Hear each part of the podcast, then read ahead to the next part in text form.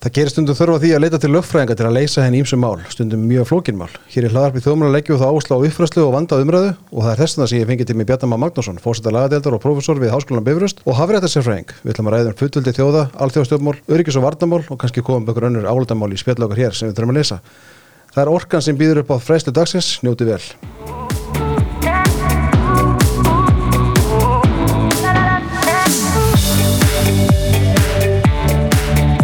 Bjarni, verður velkomin. Þakka þér kærlega fyrir. Þú óttir inni langt bóð frá mig, það er langt sinni bauðir í þáttinn, hlust. Já, það er bara mjög langt. Þannig ég, ég er bara mjög sáttur að vera komin hérna í stúdíu til. einmitt. Ég er það líka, þetta verður hérna, sko, hafréttar sérfræðingur, útskjúru það eins fyrir okkur, þetta er ekki algengt heiti. Nei, nei, og ég, ég sjálfur titlaði mér nú uh, sjaldan hafðisefræðingur en, en sko... Þetta nota þetta í fjölskyldubóðunum og svona.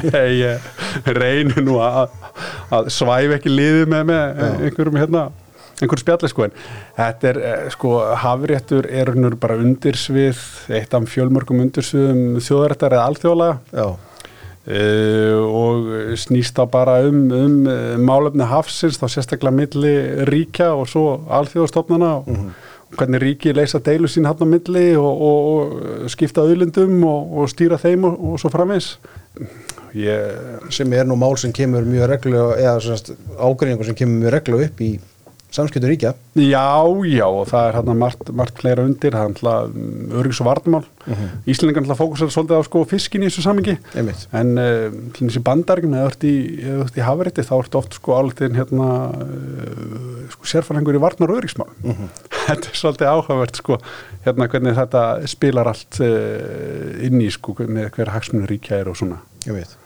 Ég man eftir máli, við ætla að ríða upp þetta aðeins, að sko höstu 2017, eða já, minnum að vera hösti, þá gerist náttúrulega ræðilegur atbyrði hér á landi þar sem ung konaði myrt og sérstaklega ríkisflöggstjóra fór í þyrlu og sótti skipiri á hafút sem var komin út fyrir íslika lögsu og þú gaggrindi þetta í fjörmjölum að svona, þú drósti ef að þessi handtaka væri lögmætt.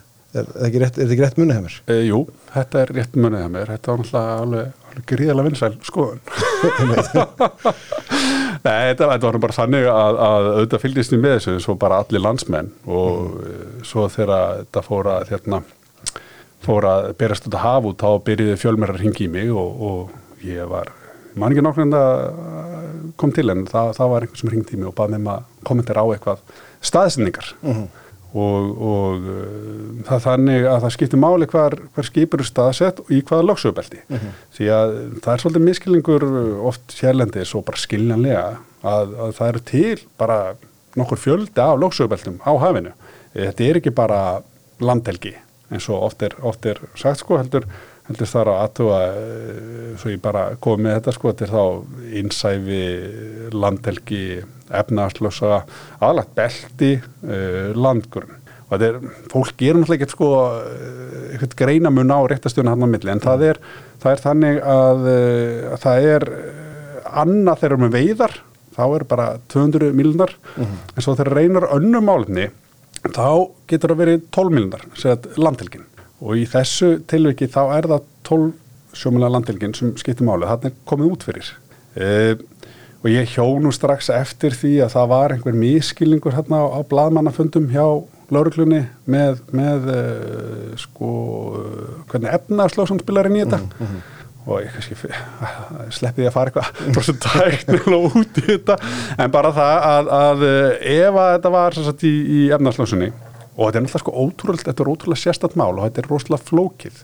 E, ég kannski komið að að ég reytaði hérna grein í tímaritt lögfranga með, með nefnda mínum um þessi mál. E, það sem ég fyrir yfir alltaf þessa mm -hmm. hérna, þætti þannig að ef einhver er alveg mjög áhersamur áhersum, þá bara vísum við í þetta. en þetta var hérna svona ákveðin miskilningur sem var hérna uppi og svo líka það að því sko skip er að sigla inn í landhelgina mm -hmm. sem er sko oftast eru allar flýja. Þannig að þetta er mjög sérstatt og það farið inn áður en komin í landhelgina og þarna spilaði líka inn í að, að, að það lág fyrir einhvers konar munlegt samþyggi millir lögurlega valda en þarna ertu sko að fara um millir ríkjana sko mm -hmm. eða millir Íslands og Grænlands þetta flækir alltaf stöðun og þarna er sko Grænland ekki sko fullkomlega sjálfstætti ríki. Og það, það var sko það, það er það er þannig að því að það er að fara um borð í raun og veru það sem annar ríki hefur lögsög mm -hmm. og þá þarf það að vera miklu skýrara. Og mannréttdómstólun hefur kviðið á um það og það er alls konar svona atrið sem ég var að setja út á en, En á, sko, ástæðan fyrir ég rifið upp Já, er svo að það hlýtur að vera þannig að sko, þó að, að í svona málum þegar að lögreglun er að aðhafast eitthvað að þá þarf að gera hlutina rétt. Jú, það er, það er nefnilega málið.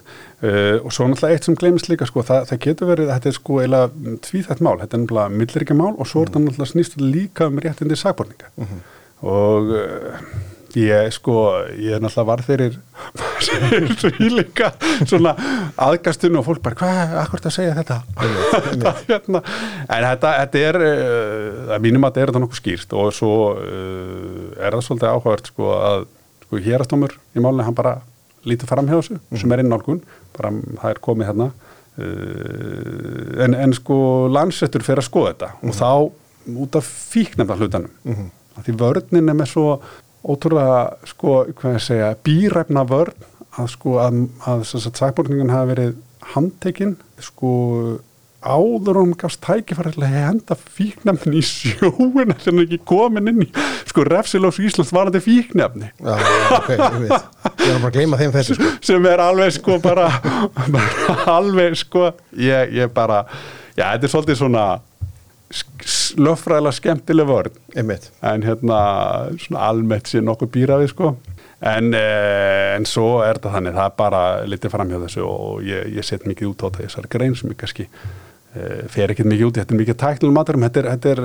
en ég segi, þetta er eitt af fjölmörgum mjög áhugaverðum uh, dómsmálum sem snúast um hafrétt sem hafa komið upp fyrir íslenskum dómstólum sem eru lít þekkt utan landstæna það sem ég verð ekki gera svona setni tíð er að, að fókusera svolítið á þessi íslensku mál og, og eh, skrifa um þau á ennsku bara til þess að eh, fólk sem með þetta mm -hmm. annars þar, aðri sérfræðingar mm -hmm. því þeir hafa aldrei heyrt um þetta og, og þetta er líka eitt sko að með þá svona, maður, svona einokun á þessu málaflokki og það er eitthvað að flýta sér að skrifa fræðikarinn sem það er oft sko að maður skrifa um alþjóðlega málefni Já, já, þannig að þetta er líka svona að, að fókusera á þessi íslensku mál og hérna en þetta var svona, þetta var uh, lagalega mínum að þetta er mjög áhugart og hefði verið að gera miklu meir úr þessu fyrir dómstólum en það var bara ekki.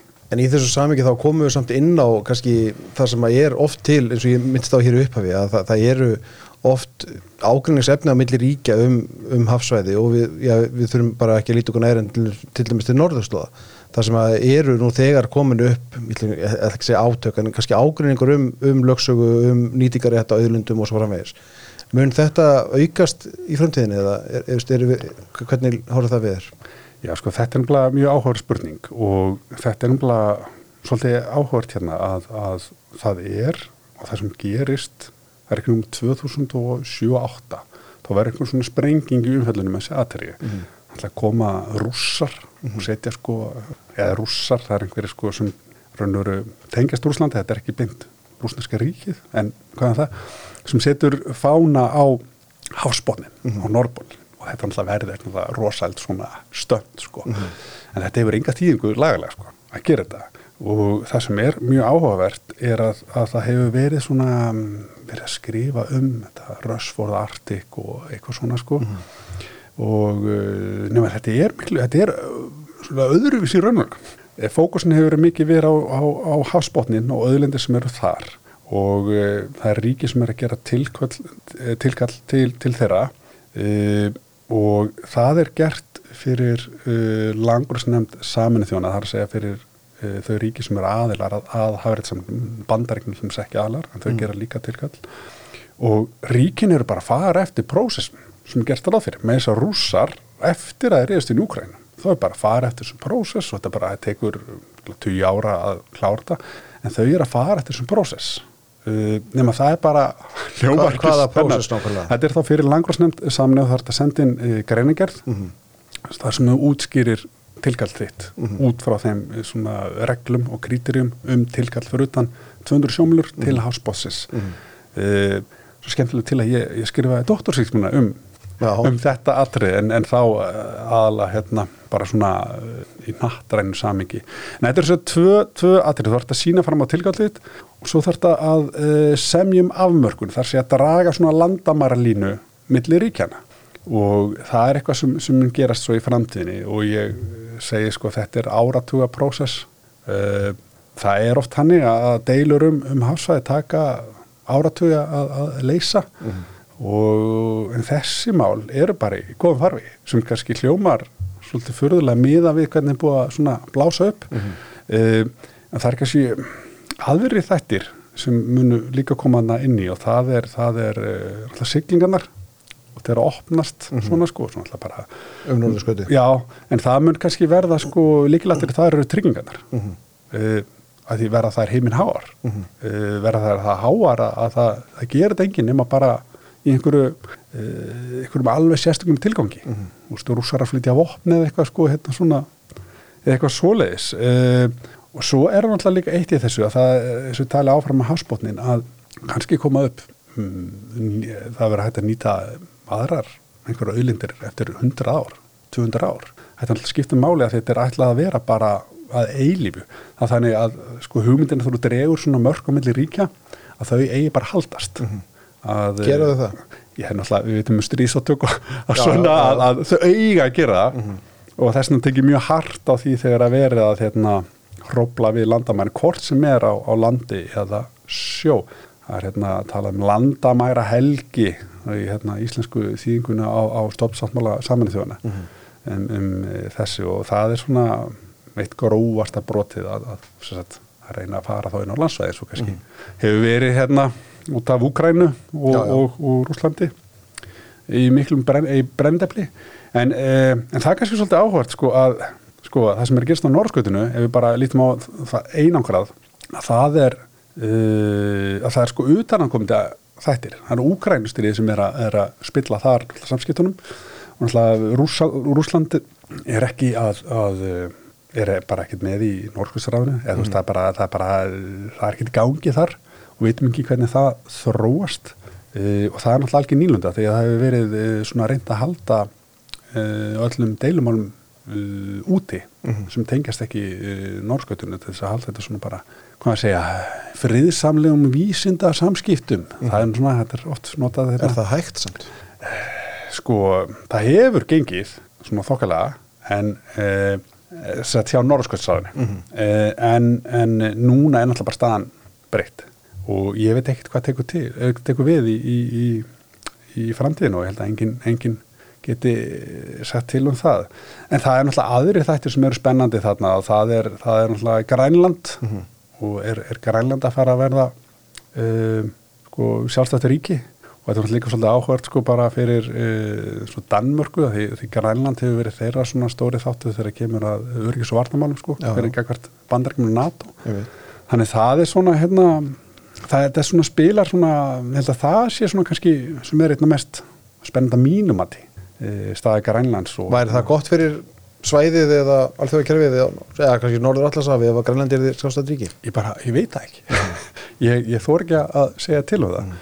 uh, en það er svona, hvað maður segja þetta lullar áfram í þá átt alltaf sínist mér Eru, sko, þegar, hvað tekur við þegar að hérna, þjóðið svo rúsar? Eru mm. rauninni bara já, við getum sagt stimpla sér út úr alþjóða þáttöku eða eru settir út eða hvernig sem við viljum líta það með innarsinnu auðvitað þá voru þið svolítið bara settir út úr alþjóða samskiptum yfir höfuð já. þú veist þannig með þetta, þessa stóru þjóð tala ekki um í landfræðilegu tilhengi mm. sem að á auðvitað landamæri að mikið af öðrum þjóðum af hafsvæðum og svo framvegis reyndar það bara landamæri að hafsvæðum um, sko, þú veist með þennan stóra aðela sem mm. setur út í hot en hann verður samt að vera að hann er ekki að fara neitt sko. Nei sko, þetta er alltaf eitt sko sem er sagt sko, sko ef við reynum banka þá getur við farið á faliði ef ríki brítur einhverja reglur það er ekki að fara að hverfa það, það er ekki nema að bara hætti að vera til uh, og náttúrulega Rúsland er reysa stórt það er náttúrulega mjög erfið staða en er náttúrulega að brjóta allar þessar sko grundvallar reglur uh, sem, sem hafa verið settar á, á 20. öldinni um bara einmitt byrða landamæri mm -hmm. Ekki vera að drepa óbreyta borgara mm -hmm. og alls konar svoleiði sko en þetta er náttúrulega staðan og þetta er náttúrulega gríðilega erfitt sko segjum hérna nú leysist úr þessu einhvern veginn uh, rúsa gefast upp, það gerur einhvern friðarsamlingur, hvað svo? Hvernig á að takla þar mm -hmm. af því eins og þú segir að, að uh, þetta er ístort ríki uh, og ég ætla ekki að þykja staðangar að lausna á hérna hvernig ég ger þetta en, en uh, það verður og líka þá líka sko þetta er náttúrulega það að, að það sem hefur gerst á 2000-stöldin er rís þessara alþjóðlu regluna og, og regluverks meðal annars uh, á, uh, um, um stríð og svo leiðis mm -hmm. og rússar er ekkit að fara eftir uh, mikið af þessum grundvallar reglum mm -hmm. og það er náttúrulega bara býr til margvíslegar flækjur og, og náttúrulega gríðarleg særundi og svo leiðis í Úkræn og svoleiðis eh, sem náttúrulega bara segir sér sjálft. Eh, Þannig að ég hýttu líka á áhrif á bara allþjóða samstarf til lengri tíma því að nú ætla er það þannig í allþjóða samstarf að það er engin ein, það engin ein lög sem ná yfir allt, það er engin, er engin allþjóða lög sem eru það gildandi að, að þau ná yfir öll okkar samskipt við önnu ríki. Þannig að, að allþjóðkerfið er ótrúlega regluvægt í dag. Mm -hmm. uh, og það er þannig að allþjóðkerfið er náttúrulega sko öðruvísi og, regluna sem gilda þar svona, hvað að segja Hildarammin, e, það er almennt þannig að ríki eru ekki bundin af reglum nema þau hafi samþygt mm -hmm. sjálfar með einhverjum hætti. Annars vegar e, bara beinleins í samningi eða með hátsemissinni. Það er þá þessar svo kallega venjur. E, þetta er svona í grómdartum svona. E, þannig að En það, e, flesti ríkir búin semja, e, sko, samþykja fullt af mm -hmm. reglum. Gangustundi samkomlega. Já, alveg bara, já, já, og og bara dæmi sko það, það, það fer nú eftir hvernig er talið eða svona en það, það, það er oft nefnt talan 7000 mm -hmm. alþjóðstofnarnir sem eru til og yfir 120 alþjóðlegi domstólar uh, þannig að sko alþjóðkerfið er orðið risa vaksið mm -hmm. Uh, en það er náttúrulega þannig að það er ímis málefni sem, sem þjóðuríki eiga erfitt með að, að uh, tækla án þess að, að vinna saman alþjóðu viðskipti, umhverfsmál og, og svo framvegs. En í framhald af því þá, sko, ef, ef við kannski snúum okkur aðeins á þá öryggis og varnamálum til dæmis á þessu sveiði. Nú mm -hmm. veit ég að þið að vera byggja upp nýja teild og bifröst hvað það var þar. Eh, þú nefndir áðan hérna að ég var, ég var að spyrja um hafrétta sérfrængin sko, að það snýra auðvitað mikið af öryggis og varnamálum. Sko, hér hefur umræða eins og ég er til dæmis núna í veitur um það hvort að, síðastlinni veitur, hvort að við ættum að stofna hér í Íslandskan hér, Arnur Sigurðarsson varpaði nú fram þeirri hugmynd og mm. við höfum nú tekið það svolítið til umfylgjarnar til dæmis í morgunblæðinu og mm. dagmála morgunblæðsins og fjallaðum það. Það er hérna er, er, eru þessi máli einhvern veginn, þú veist, er, ég ætlum að byrja að spyrja, eru Íslendingar stóri þáttingatur í þessu? Skiptum við einhverju máli? Sko, við erum alltaf í NATO já, já. og við erum með, með svo samlingum bandækin og við erum alltaf bara staðsett mm -hmm. á, á mikilvægum stað uh, á jærkningulunni uh, eh, sko og svo er ekki bara að segja við erum að fara að stað með, með þessa námslínu, þess að bíja nám í almannavörnum og örgisfræðin mm -hmm.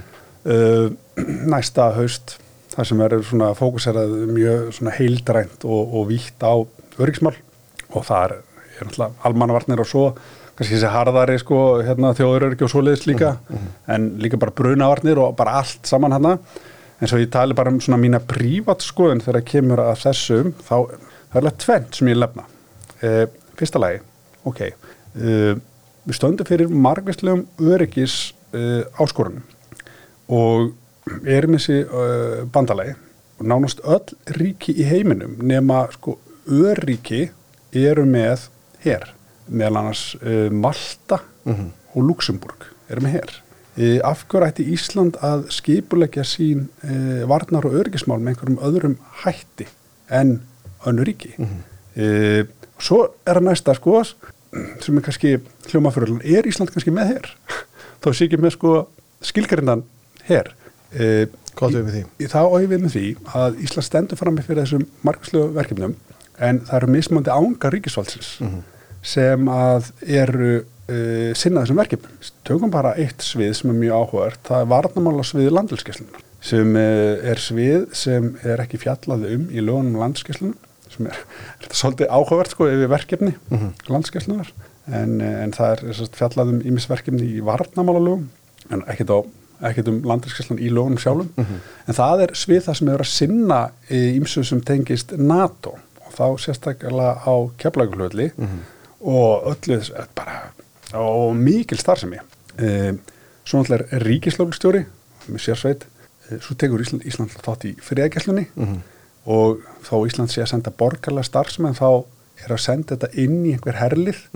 Og það er ekki þannig að þú getur bara ákveða að vera borgarlegu starfsmann þau eru ekki ferðið inn í herlið. Að því í, í strísátökum þá ertu með hermenn, mm -hmm. borgara. Uh, þannig ég spyr sko er Ísland kannski með bara svona dreifðan her? Og, og getur kannski og, og skilgreitar hann dreifðan. Já, en, en svo náttúrulega er málið að, að hérna að það væri mjög áhugavert að teikna þetta upp. Mm bara hérna, hvað hva gerir hér og hvað er þetta hjá Íslandi? E, og þetta er náttúrulega mikil viðkvæmni í, í kringum þetta. Og ég skil vel, ég er politikus stóma íslenskan hér, nei, það bara hérna, ykkur mm -hmm. en hérna en vardamáls við landarsjálfslunar já, styrkjum það, hérna, styrkjum ríkislúrstjóra og hérna, gerum hérna þessi verkefni, setjum þetta hérna hérna og, og, og það náttúrulega er bara menna, það þarf að sinna þessu. Og svo náttúrulega er, er bara ótrúlega áhvert sko, hvernig þetta system er sko, því hér er sinnáttast margvíslega verkefnum. Mm. uh, meðalans bara eins og björgunsveitir uh, og við hugsaum um sko björgunsveitinar uh, sem er náttúrulega að sinna þessu sko innra öryggi að mjög miklu leiti og náttúrulega, náttúrulega sem tengjast ímsum varandi náttúrulansis og svona og vál, þessi válindi veður og allt þetta sko hverjum hefði dótt í hug ef, ef hann væri að setja upp svona sveitir núna að, að bara alltaf bara byrja frá grunni að setja upp sjálfbóðalega sveitir mm. sem atunreikundur uh, fjármagna að miklu leiti og þar að ekki er, er, er, er fjármagnar með sölu á flugveldum sem, sem náttúrulega bara fólk verður fyrir líkamstjóni og það er eignatjón og svo náttúrulega um það mengun sérlega hérna í góbói hérna, var hérna hvað var það, Evrópa með í, í mengun? Sko það Þetta er mikið nefnir huga, ég meina, meina sko, náttúrulega grundvata hlutverk ríkisins er, er, að, er að tryggja öryggi borgarna mm -hmm.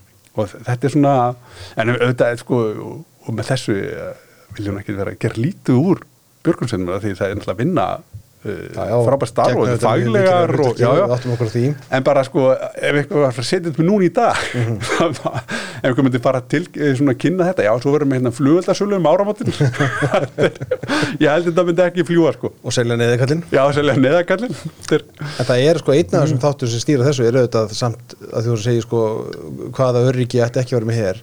Um, það hefur stundu verið að talað um og við hefum fjallað um kannski í framhald uh, hvaða þekking þetta er staðar hér á landi og, og sérstaklega, og, ok, við höfum mikla, mikla þekking á almenn, almennsöryggi og, mm. og hérna almannöryggi og allt það og við erum með lauruglu, við erum með börgunarsveitur, við erum með landinskjæslan og allt, allt svo leiðis mm.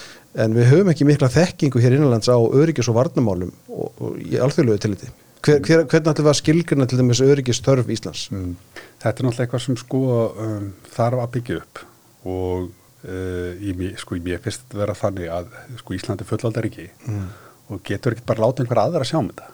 Mér finnst það, ja, það er slaft. Samt það sem við höfum gert. Við höfum gert það mm. og þetta er slaft að mínum að því.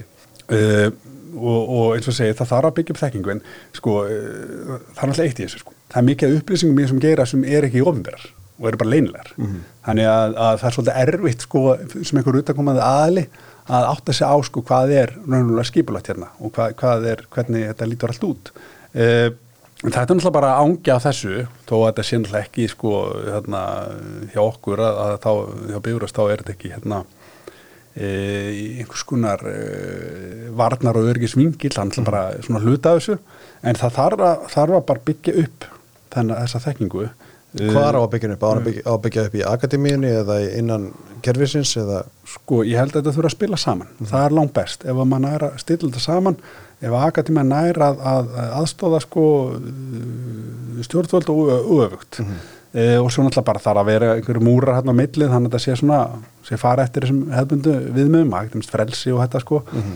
og líka þessi eðli gaggrinni og þannig þannig skapist ekki eh, svona tókstar í þetta mm. varðið það, því það náttúrulega er mikilvægt að það sé gaggrinni, en svo náttúrulega bara eitt, að, að það er eitt mjög áhvert og mér finnst það mjög áhvert eh, ef við tala bara um lögfræði, það er nánast það er alltaf til neitt skrifað um varnamál e, af íslenskum lögfræðingum. Þeir hafa bara skila auðu eins og þetta sé bara eitthvað málefni sem að hérna, kemur á alla við. Mm þrátt fyrir að það sé væri, væri hægt að skrifa alveg helling og rannsaka og byggja óna en það er kannski bara það að það hefur ekki verið þessi fókus. Það bara sér ekki tilgang bara til hvers, það er ekki mm. að pæli þessu. E, þannig að þetta er svona ég held að þetta þurfa að, að styrkja þetta og líka bara í þessu öryggisumhverju nútumanns og það er eitt líka þessu, það er þess að neturyggsmál og, og það er hérna eitthvað sem er risavaksið og svona það er bara næsta skrifið sem Íslandi langt og eftir, það er hérna geimöryggismál mm -hmm. hljóman alltaf sko eins og maður sé, hvað klikaður eða pírati. Eða pírati.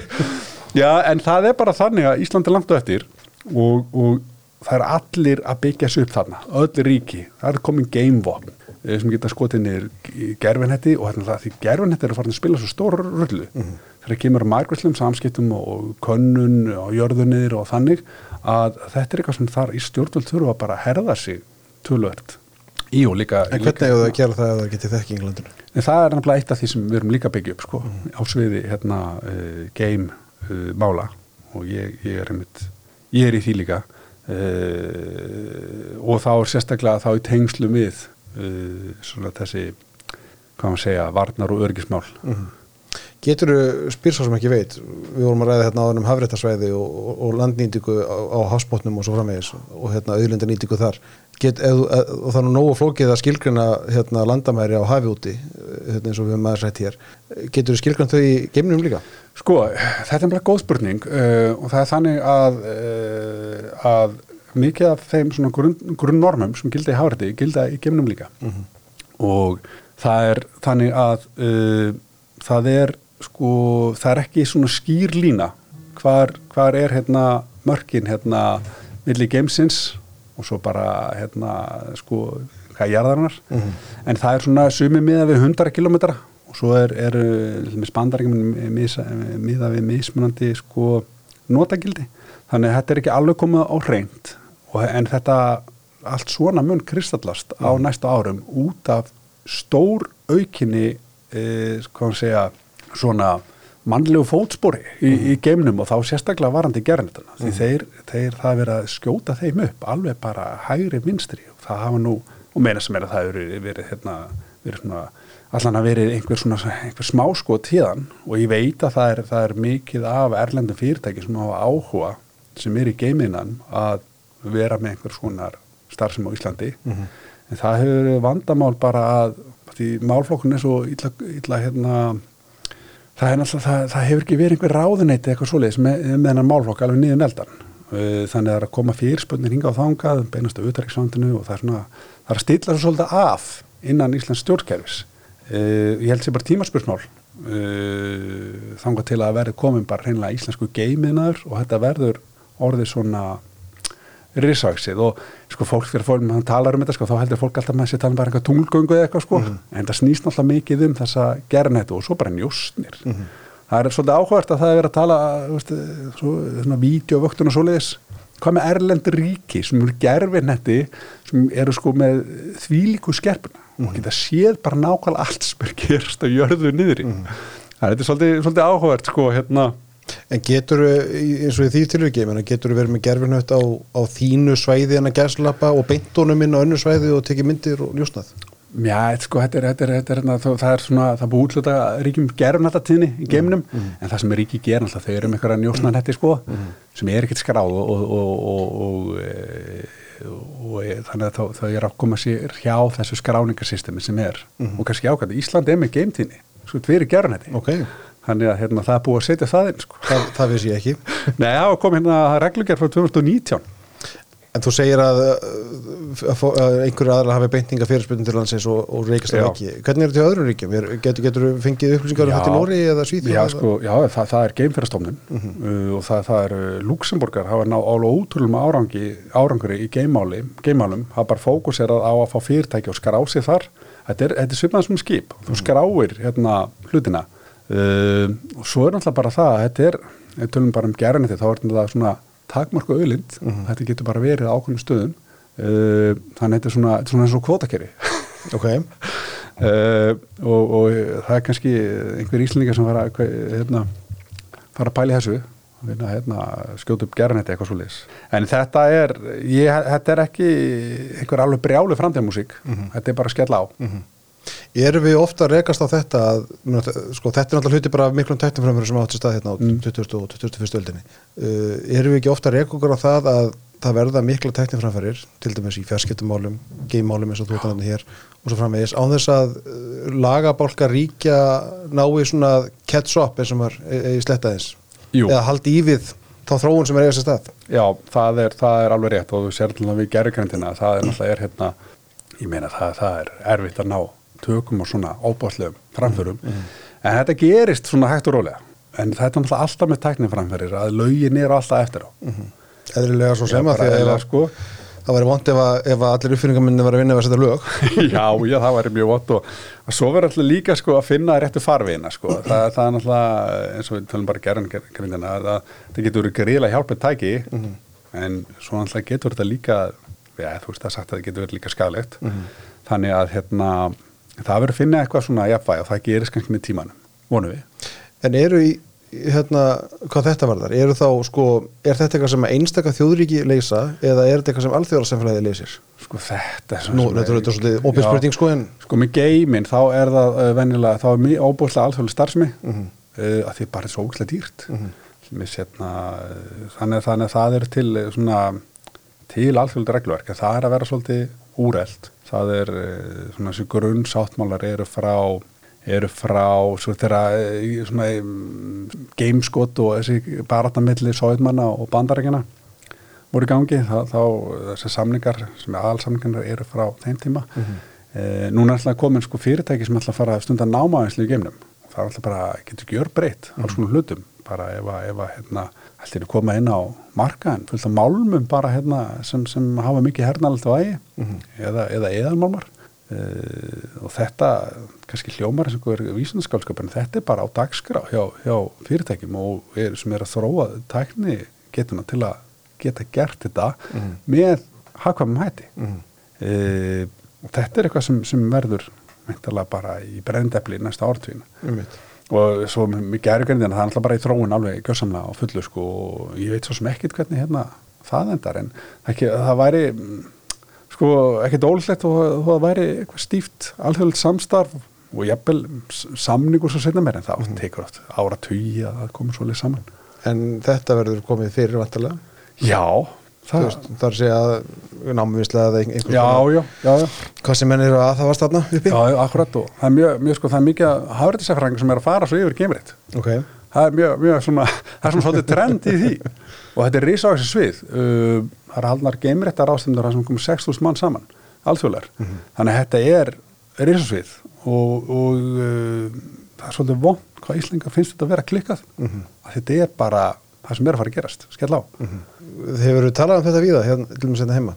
E, já, ég hef nefnilega, ég, ég byrjaði á hérna, svona verkefni hérna á, við, við Háskólum Bifröst og við erum búin að, við erum búin að skrifa núna tvær frægreinar sem eru byrningu meðan annars um, um íslenska game-iðnaðin sem er svona, það var svolítið hérna, skemmtilegt. yðna yðn með greini. Já, game-iðnaðin. Nei, nei, það eru hérna alveg bara, það er ímislegt í gangi uh, og ég held að íslenska hátækni fyrirtæki ætti að horfa á þetta eins og í tölvutækninni að því það eru alls konar fyrirtæki sem eru kannski skilgrinnsengið sem game fyrirtækin er að gera eitthvað sem tengist game tækni og það er sérstaklega var þetta fjarskiptum Já, já. Eru, sko, við getum, við getum sagt að kannski svona síðustu 200 árin þá er auðvitað heimurinn farið minkandi að þýliturum til að það er bara meiri alþjóðviðskipti, meiri mm. samgangur millir landa og framvegis þannig að fjarlæðir hafa stýst sko auðvitað ekki landfræðilegu tilildi heldur þú, þú veitir hvað er að meina þú veist Já. í, auknum samskiptum allt þetta uh, þú nefnir, nefndir hérna áðan hvað 7000 alþjóðastofnanir alþjóðastofnanir uh, er, er heimurinn að vera það lítill að, að alþjóðastofnanir eru farin að segja til um málefni inn, innan ríkja veist, er hérna sjálfstæði þjóða að minka og þetta er bara góð spurning og þetta fyrir svolítið eftir hvernig lítur á. Nú nefnir þau sko hugdækið sjálfstæði. Það er annað hugdæk sem er áttmönda það er fullveldi. Og þetta er, því er ekki sama hlutin sko. Uh, þannig að hugdækið fullveldi það hefur nokkuð svona niður njörfaða uh, merkingu í lögfræði. Og það, og það kemur úr þjóðarættið alþjóðlegum það sem þetta þýr þá að, að ríki hefur uh, stjórn á sínu yfirásvæði getur svona skiplat lögin þar og, og uh, þarf að, ef að önnu ríki vilja fara þarna inn og gera eitthvað þá það samþyggi ríkisins. Uh, og getur takmarkað aðtafni sínar uh, innanlands með, getur sett, sett ákveðið með einhverjum hætti að takmarka. Og þetta er oft skil, kallað innra fullveldi og svo er talað um ytra fullveldi og það gleymist og hefur bara gleymst með líslenska lofrænga í fræðiskrifum e, og það er þá það að, að það er álítið þess að hluti af fullveldinu að geta tekið á sig sannskuldbindingar. Bara eins og lögrað maður getur sko, tekið á sig skuldbindingar, getur tekið bankalán. Það hugsaður aldrei neitt um það eins og ef tekur bankalán og sért að skerða lögraðitt og það er, það er að sama með sko þessum skilning í, í þjóðrættum með alþjóðlögunum að, að, að, að taka á sig svona alþjóðlega skuldbindingu að þú ert ekki í raun og veru að skerða fullvaldið þitt heldur ertu að nýta þér það. En svo getur sagt sko ok, þú ert að nýta fullvaldið þitt en ert að skerða sjálfstæðitt Já, það er sko, þetta er eiginlega þetta er nefnilega, það er oft, þessu er eiginlega gröytað saman Já þessi umræða Hérlendis. er ekkit úr lausu lofti gripin, hún hefur bara átt að staða svolítið hérna síðustu 2-3 já, já, árin. akkurat og, og það er svo önnur spurning sko og þú getur svo haft alls konar skoðun af því Mhm. hvort að, að alþjóðlegt samstarf efli þig og, og þú sérst þá við sko samningaborða getur haft áhrif á hvernig önnur ríki gerir þetta en vissulega er sko 20. öldin og svo 21. öldin hefur verið sko eða sko eitt, eitt af svona stóru atrun er þessi uppgangur alþjóðlega stofnana. Og auðvitað er það líka að, að, því, að því ríki ráð ekki við allt. En svo náttúrulega er það náttúrulega hversu langt á að ganga. Það er svo Ég var alveg- alltaf, ég var- alveg að vona að þú myndir svara því. Já, nei, ég, ég hef ekki svörið því sko, því það, það, það veldur bara á alltaf, uh, lífskildum fólks og, og uh, öðru slíkan. Já, tökum bara aðeins að þessum fyrir mófdjúftið það sko, bara EES-samningi sem dæmi. Veist, e- felur hann í sér skerðingu á fullveldi þjóðarinnar? Eh, Nei, hann, ég myndi segja ekki sko, Einmitt. að því að ríkið er búið að segja, heyrðu, ok, í fullvaldinu felst að taka á sig alþjóðlega skuldningar og það eru miklar Mhm. með ES. En svo getum við spurt, eh, er þetta eitthvað sem sker sjálfstæði? það, er, það er þó annað sko. Mm Og hvernig myndir þú svara því? Já, ég, ég myndi segja að þetta takmarki setji verulega mörg á hvað, hvernig ríkið uh, haga sér. En ef, ef við smættum svo aftur nýri einstaklingin sko, menna þú ræður í vinnu og það takmarkar líka sko hvað þú gerir og atmenninu, þú tekur bankalán uh, það takmarkar náttúrulega hvernig hvað þú gerir við peningaðina sko. Uh, þannig að, að og það er kannski eitt sem, sem vantar sko að, að í löffræði sko þá er þetta oft útskipt bara fullveldi svona sambaraldi og lögræði uh, en sko auðvitað, auðvitað er uh, sko aðtanir ríkja búin að þau eru búin að takmarka sig gríðarlega með að margvíslegum alþjóðlegum samningum í dag. En auðvitað Er það gott eða slemt?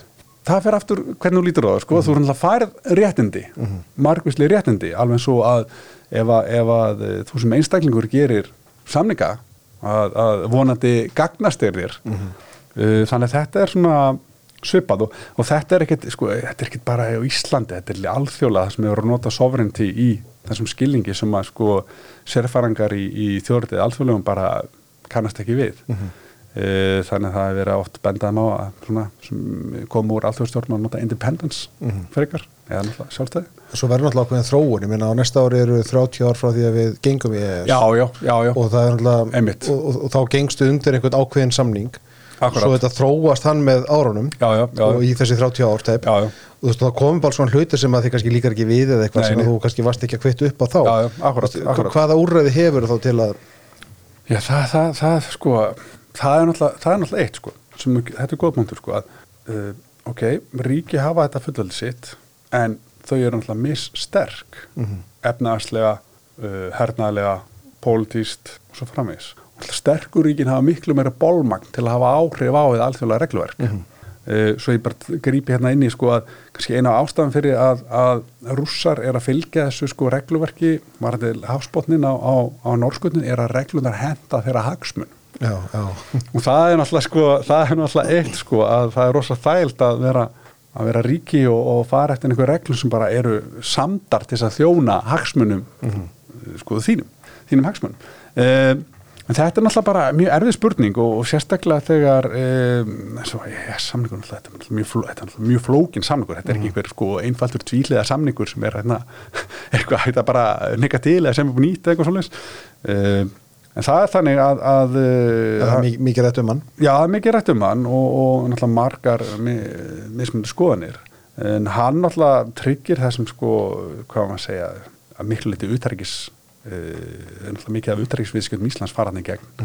En, en það er náttúrulega spurning að Ísland hefur þarna ekki sko ekki beina aðkoma að lögja af ferlinu og, og uh, að þetta er náttúrulega svona að, þetta er náttúrulega aparat sem bara stendur ekki í stað heldur að vera að búa til reglur uh, en svo kemur Ísland ekki að þessu sko og þetta er náttúrulega áhvert að það fylgjast með hérna Breitland og umrann eftir Brexit að Já.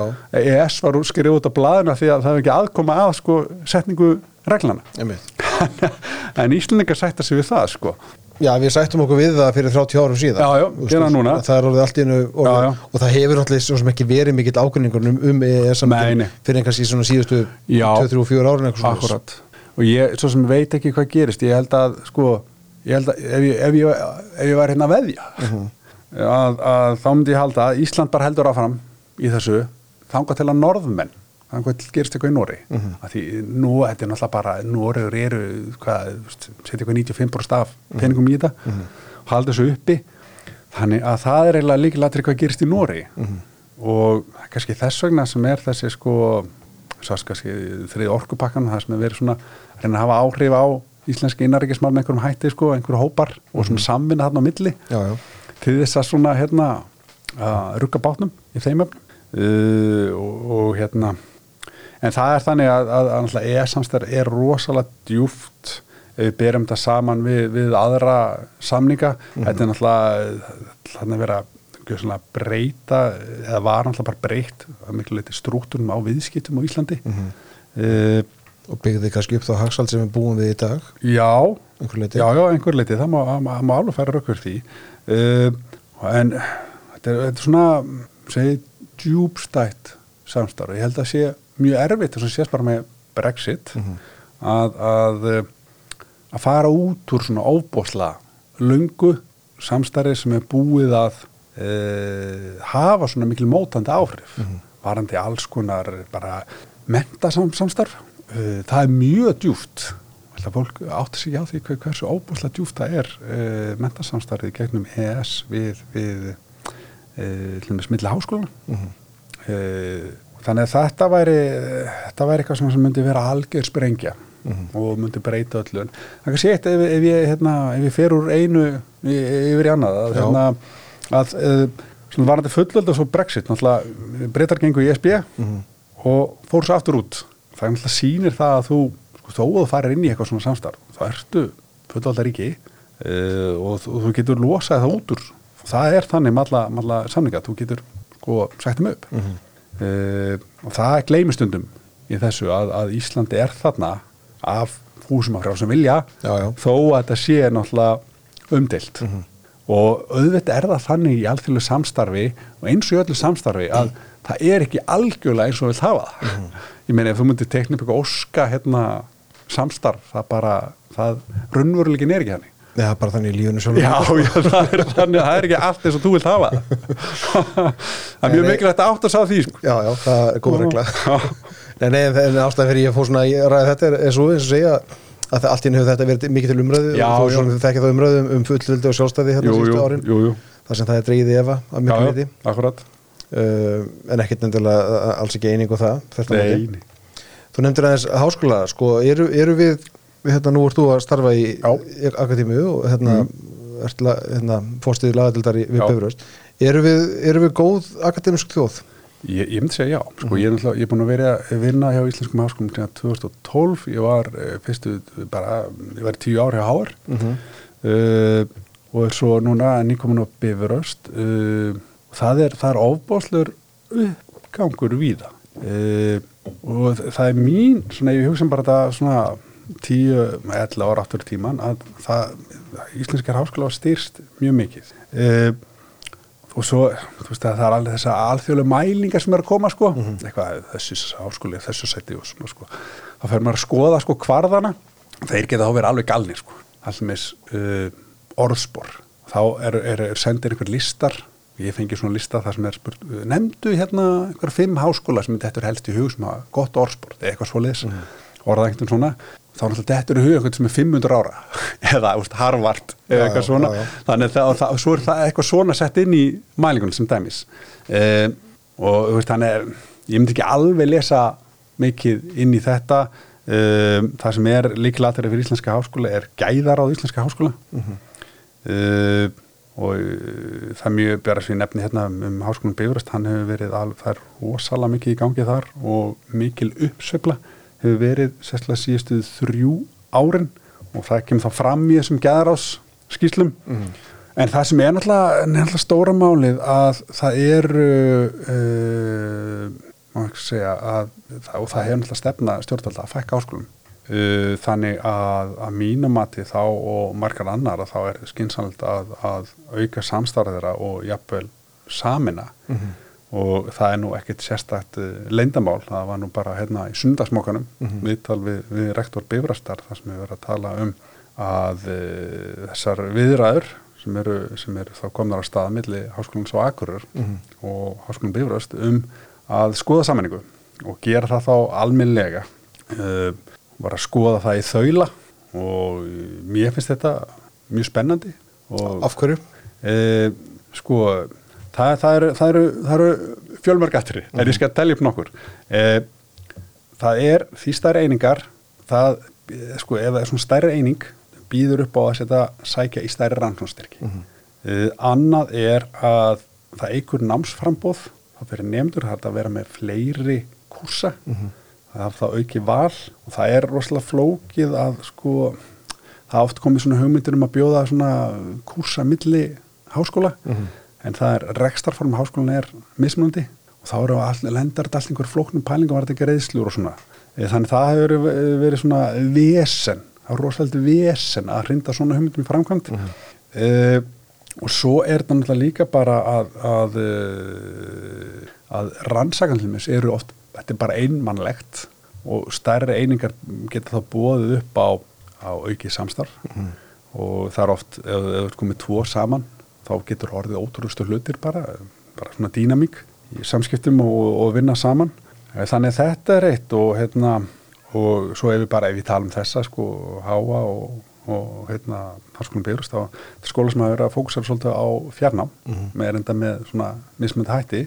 Annað en HÍ og, og, og HR eða HÍ hefur ekki verið með, með þetta sem, sem svona er eitthvað fyrir sáfram í þessu.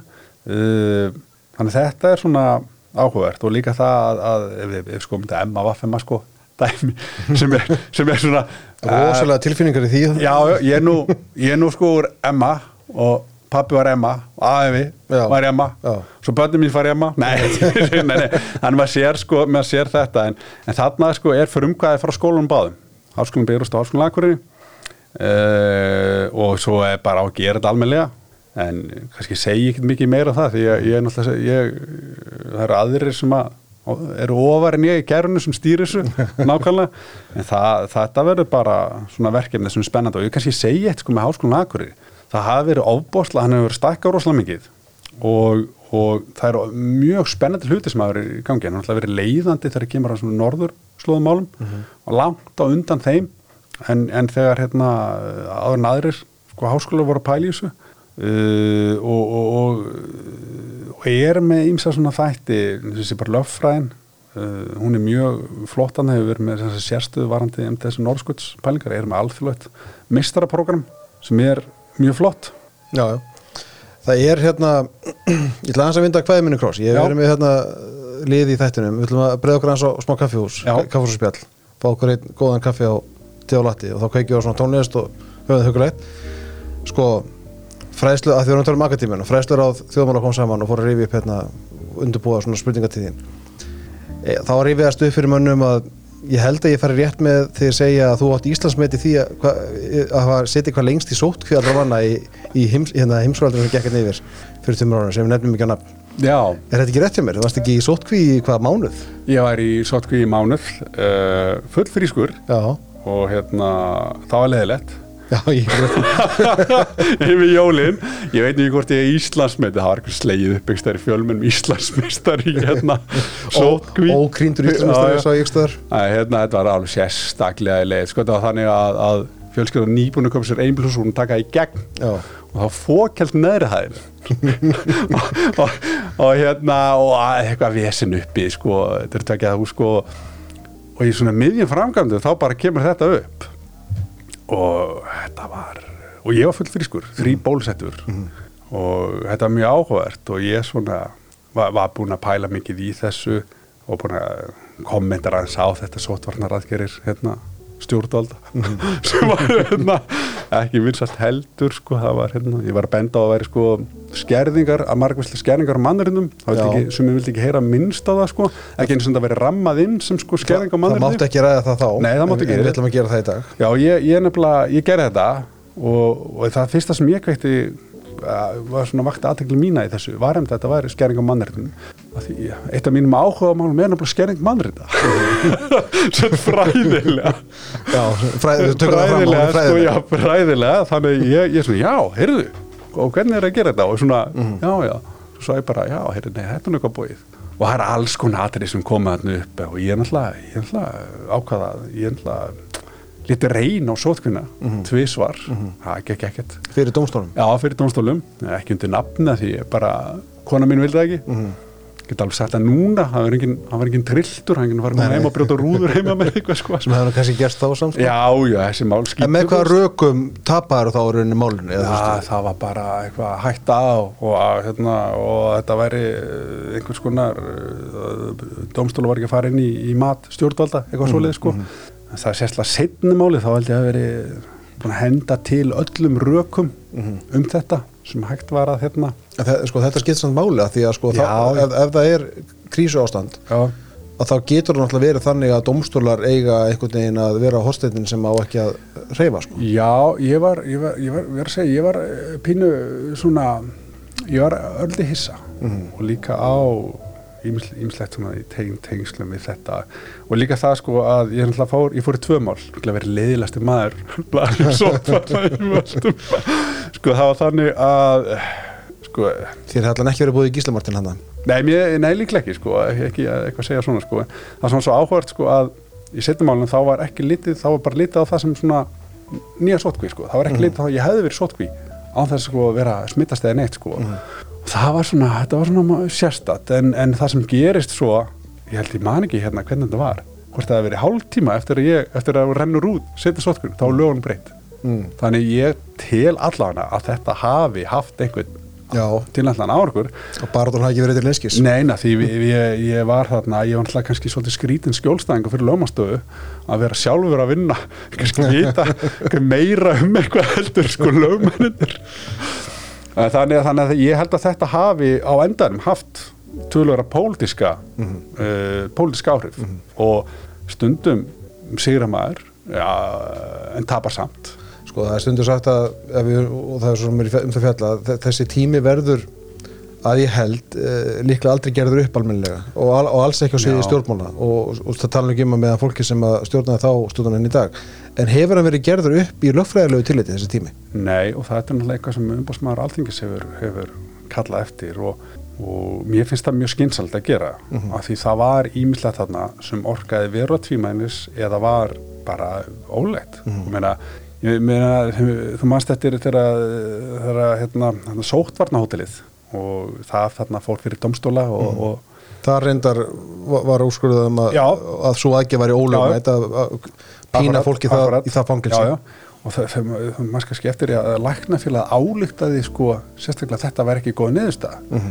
og svo koma pólitískar og tala með þetta sinna og veist, eins og það er verið að segja sko, heyrðu, hérna klikkað á að verða sko grundvallar réttin borgarna, var þetta mannréttin og þau eru bara að hafa þessi máli lægi svo er bara komið og, og láta eins og þetta sé bara eitthvað vesen.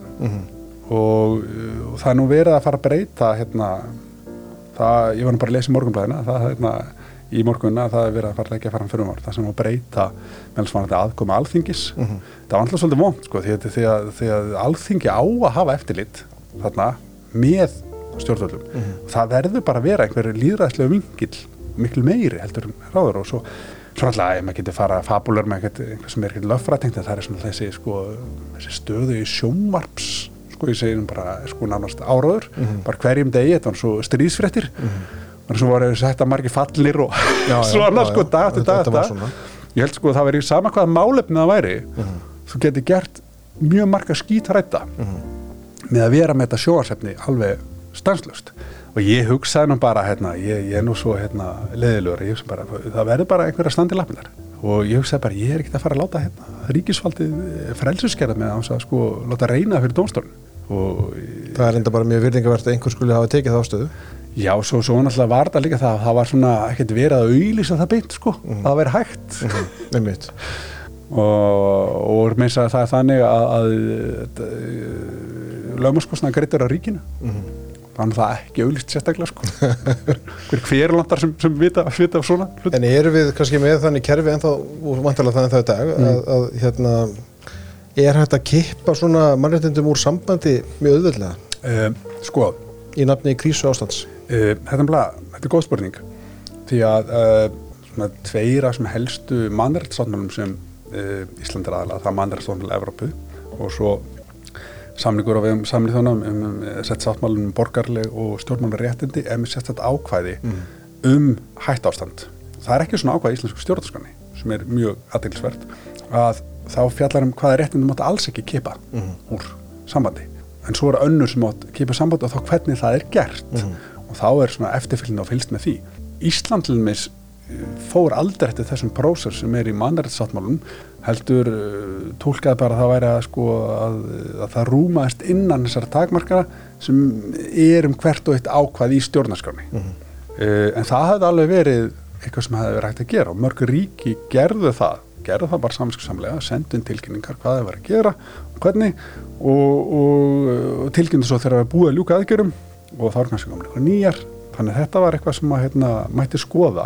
Var, þegar þau sendu þetta inn, var, var einhverju andmælt eða var þetta bara stimplað og Já, já. Hve- hvernig er prósessun á þessu? Ég þetta er náttúrulega aðlátt þess að bara hafa eftirlit og líka þetta sé gert, að það sé einhver sem er, er þá er það Európaráðið sem er að fylgjast með þessu.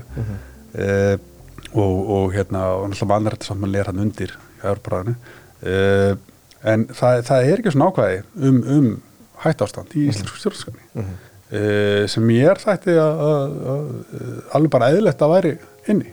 Þá í samræmi við mannrætt sáttmálun og, og, og, og sáttmálun borgarlega stjórnmálun réttnindi og, og þetta er bara þekkt úr landsrætti margar ríkja að vera með þetta. En þetta er kannski eitt af þessum skorti á, á, á, á, á rannsóknum að því varðar öryggismál í svona vítækum skilningi þannig að hérna en eins og segi það ætti að gera þetta upp uh, og það voru mörguslega álit efni sem, sem svona gleymast.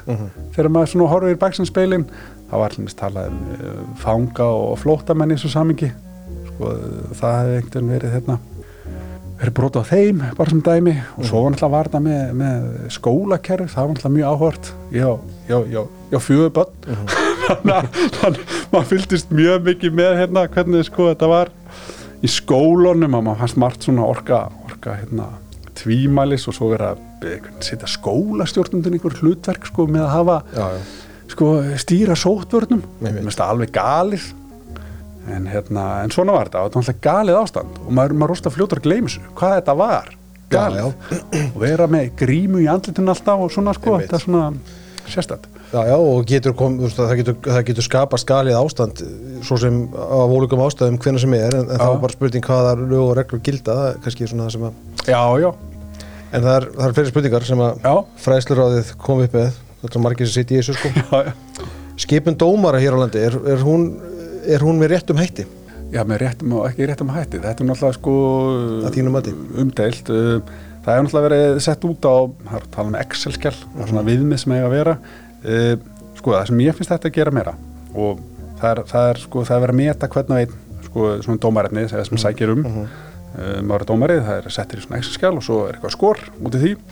Og Aldrei sama axarskjalið? Já, já, já svo, svo, er sko en, en, sko, ef þú ert að ráðin á vinnustall þá ertu ekki að meta alla sko, þú þið vantar einhverja sko mismunandi típur og sem getur gert eitthvað mismunandi.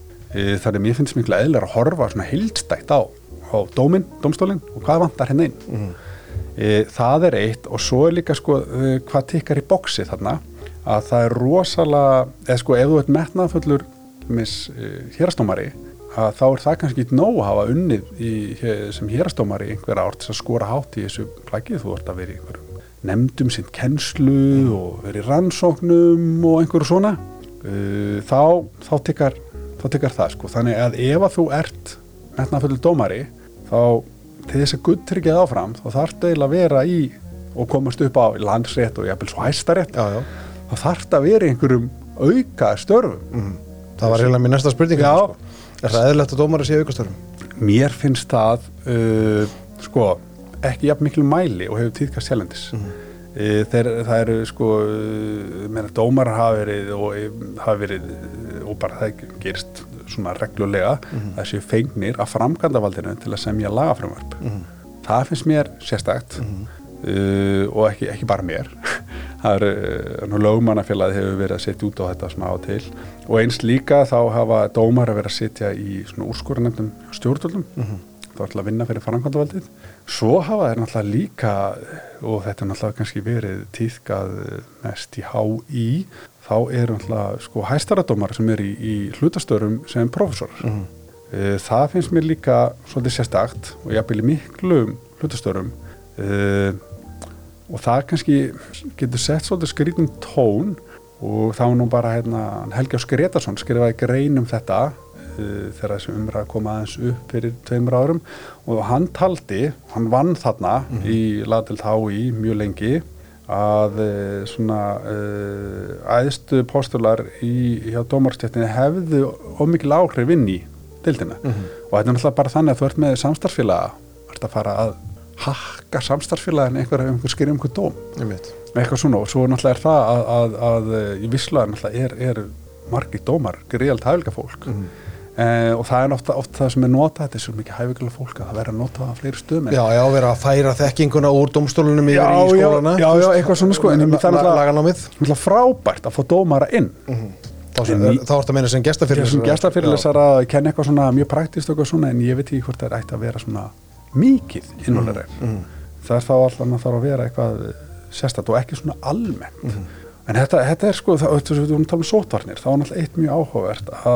ef við tölum um þessa íslensku eh, dómara fyrir alþjóðlega dómstóla að þá var eh, Páll Hreinsson toppfamaður fenginn eh, sem er fórseti eftir dómstólsins hann var fenginn til að skrifa skýslu um, um hérna sótvarnir og regluverkið þarum núna er að er mál uh, svona norski hæstæritur var að byggja um hérna, svona ráðgjöf, ráðgjöfandi áld um, um, um ímislegt var þetta sótvartir Mhm. uh, þá spyr maður sig ok, hann er búin að skrifa fórstdómsfólksins, er hann þá mannhæfur? Þetta svona kviknar Mhm. kviknar svo uh, hugsun um þau mál. Já, Uh, hver- hvert er svarið við þeirri spurningu? ég veit ekki hvernig á, á að takla þetta sko. Ég, ég er ekki búin að setja Hann enda mig- skrifaði sjálfur bókum vanhefi sko já, já, já, já, já, ég veit það. Það er hérna, þetta er svona vekur um spurningar. Og, og, uh, og svo, segjum svo bara segjum, gefum okkur að hann sé vanhægur uh, og hann bakkar út á þá að kalla inn varamann og eigða þá peningum af því að það er búið einhvern veginn að taka sér aukastörf. En það er svolítið leiðilegt að taka svona einsta dæmi að þetta er um einhvern ein, einn einstakling að þetta er bara kúltúr. Þetta er kúltúr vandamál það væri hægt að taka alveg endalust af einhver svona dæmum. Uh, en stóra málið er þetta er einhver kúltúr ég myndi segja kúltúr vandi varandi þessi mál hérlendis. Og þetta er ekki mjög vinsalt efni að ræða með dómar en lögmenn tala um þetta mikið sín á milli og það er virðist vera bara hreinlega einhver ótti. Og ég veit ekki hvað sé sko, eitthvað, eitthvað sem er viti en það er einhver ótti. Ef það er ótti til staðar Þetta er bara ótt við það að þú verður ekki dómari síðan mér já eða, eða verði einhvern veginn að fá ekki skipaður í eitthvað sko. Eða fáir ekki sangjanda með fyrir fyrir fyrir já, já, já, það, það er annað. Og það sem er eiginlega uh, kannski síðasta spurninga sem ég hafði sko Já. og hérna, ég var svo ekkert búin að undirbúa það hann, er sérstaklega, en þetta kom upp svona í samtali í dag að hérna, sko ég man sjálfur ég, þessi, það er yfir 20 ár síðan, þá var ég í bandrækjunum og ég veit náttúrulega ekkert hvað sem menn heita en hérna, þá horfði ég einhvern þátt sem var á einhver, einhver sjónastöðinni þar sem var, voru, var, var, sagt, federal judge eins og heitir Já. uh, var að debeta við, debeta við lögmann um, um einhver ákvæði var þetta hérna réttindi sapborninga Mm. Og ég man bara, mér fannst þetta mjög áhugavert að þarna væri dómari og lögmaður að ta- taka ofnbært debat eða ofnbæra raukraði í sjónvarpi Já. um eitthvað svona réttindi, en mér fannst það svolítið cool sko. Já, og hérna, og þá fór ég að hugsa þú veist, það er, við sjáum ekki mikið um svona lögfræðilegt uh, hvað, ég segja, lögfræðilega umræðu hér á landi á mannamáli. Og það er náttúrulega er mjög sjaldan gaggrinni á dómara eða dómarastörf uppi. Það, Jón Steinar hefur þetta Já, já. verið mjög hérna, en er þetta ekki, er þetta ekki mandi? Þetta, ég myndi segja að þetta væri svolítið vandi og það, það eru ýmsar ástæður um, fyrir þessu. Það, ein, ein, ein ástæðan er svo að það er oft allir svo tengdir einhverjum málum. Mhm. Uh, Það er oft fjölmjöla fólk að reyna að ná einhverjum svörum frá sérfræðingum. Þá er allir einhvern veginn búin að tengdir, veist, eru bara innvolari hjá ríkinu eða einhverjum mm. einhverjum eða eitthvað svona. Þannig að það getur verið eitt. Annað er bara uh, að, að annað er kúltamandi og það, það er það og ég hef heyrt fjölmörg dæma það að einhver er að skrifa fræðingarein sendir hana inn bara og það sem verið gaggrinn á dómstóla Mhm. það kemur einhver reytrinni, alltaf blind reytrinni og þá er verið að setja út á að það sé verið að gaggrina hæstarætt Mhm. það er ótrúlegt ég heyrti þetta fyrir tveim eða þrejum það sem er sko, er þá er einhver að segja sko, að- að ekki sko að setja út að gaggrina heldur sko að það er gaggrina að það sé verið að gaggrina veit, þetta er, þetta er, þetta er galið. bara að það sé verið að sparki mustur já, þetta er svona, já, nákvæmlega. Og þetta er vond uh, þetta sé einhvers konar heilagt en auðvitað er náttúrulega mikil umræðum þessum málin. En það sem er náttúrulega það er Jón Steinar og hann náttúrulega er með ákveðin stíl í þessum öfnum Mhm. og hann er kannski svo eini sem hefur verið að halda þessu uppi svona hérna þessar gaggrinni og hann er náttúrulega með sína skoðanir og svona svo getur fólk verið. Já, menn getur, með- verið sammálið já. honum sko, en, en það er samt myndi ég halda jákvæmt að, að það skulle einhver stíga fram og gaggrinna það efnislega einhverja dóma eða úrskurðið eða hvað sem Já, já, já, já, það er alveg hárétt uh, og, og, uh, og ég sko, ég ég hef reynt að vera svona gaggrinn en ég er alltaf að skrifa svona svolítið sérhæði sko mikið alþjóðlega. En hérna, mér finnst þetta bara hreinlega að vera hlutverk fræðimanna uh, sérstaklega í svona lítlum samfélagum eins og Ísland að halda upp í gaggrinni það er bara hlutverk þitt og ert ekki að því, þá ert ekki að sinna störðin almennilega.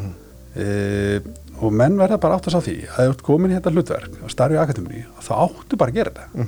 Og þetta er mikil meðvitund um þetta uh, bara flestu, flestu um stöðum sem ég þekki til. Ekki nema kannski, þú veist, þú eru skotin sem ríkjum.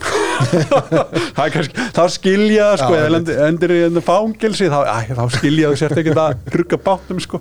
Það er kannski ekki alveg þenni hér en, nei, nei, nei. En fá lagarnemar í dag uh, krítík á fyrir dóma, þú veist, fá, lesa þau um eða fá þau upplýsingar um það að einhverju dómar sé ekki nú vandaðir eða Ég, sko, já, rangir ég, eða ég, ég, vona það nú. Ég, man alveg eftir að fengi þannig en það er sko, og eins og ég sé nú hérna með alls konar, svo ég varpi nú hérna einhverjum spenningum út í fæði það. Mér finnst mikið af lögfræðiskerjum í Íslandi vera, svona upptalning á staðrindum það er svona svona er þessi regla og svo er þessi dómur hérna og svona svona svona og svona svona og svona er þetta og punktur í staðan fyrir að sé einhver sko einhver að segja eitthvað raunverulega. Þetta er oft með svona einhver yfirlit í staðan fyrir eins og maður, maður er uh, sko þjálfar, maður fyrir dóttursnám bara hvað ætlar að segja? Bara hver er punkturinn? E, og það er kannski vanta líka bara meira sko tiltöla nýlegt að það séu svona margir með dótturspróf í Íslandski Akademíu. Vanta kannski bara fleiri sem er þá með þessa þjálfun þú ert ekki eitthvað betri maður eitthvað með dótturspróf, þú ert bara hún að fá ákveðna nei, þjálfun þetta er bara eins og að, hérna, ef þetta- aka hver bifrið, þá er þetta mismöndi réttindi að því þú þarft þetta ákvæðan þjálfun það er saman með rannsvandir og þannig að, að, að við lærum alls konar mismöndi viðþór og hvernig átt að gera og bara afgjör þetta að þessu, mm. afgjör þetta að skrifa eitthvað hvað hefur að segja, hafði eitthvað að segja, annars bara slepp, það er þetta. Já, ég kannski hérna fæ einhver hótanir hérna, nei, ég segi svona nei, nei, þetta vera gott spjall já, já, það er mjög gott. Þú vart að eh, kenna byrjust og hvað býrði í á höfubrúkseginu þess að já, ég, ég bý hérna skamt frá. Já, skamt hérna í Kóbói einmitt. Já, já, það er gott að búið í Kópói segja þér. Já, það er alveg indislegt nýji bæðisturinn segir endar framtíðin sér í Kópói já, ég held bara að þetta sé allt hárétt hjá henni það er og þú keirir það á millið, ferðu Nei, nei, nei, sko, það er bara byrjustu með, með starfstöðu líka í borgatun já, ok, þannig ég er mikið þar og svo náttúrulega erum við í já, þannig þetta er mikið einmitt. Og að vera að nota nútíma tækni í gemnum og í geimnum bara út um allt. Herðu, Bjarni Már, ég ætla að þakka fyrir komuna. Já, þakka því. Takk fyrir gott spjall. Takk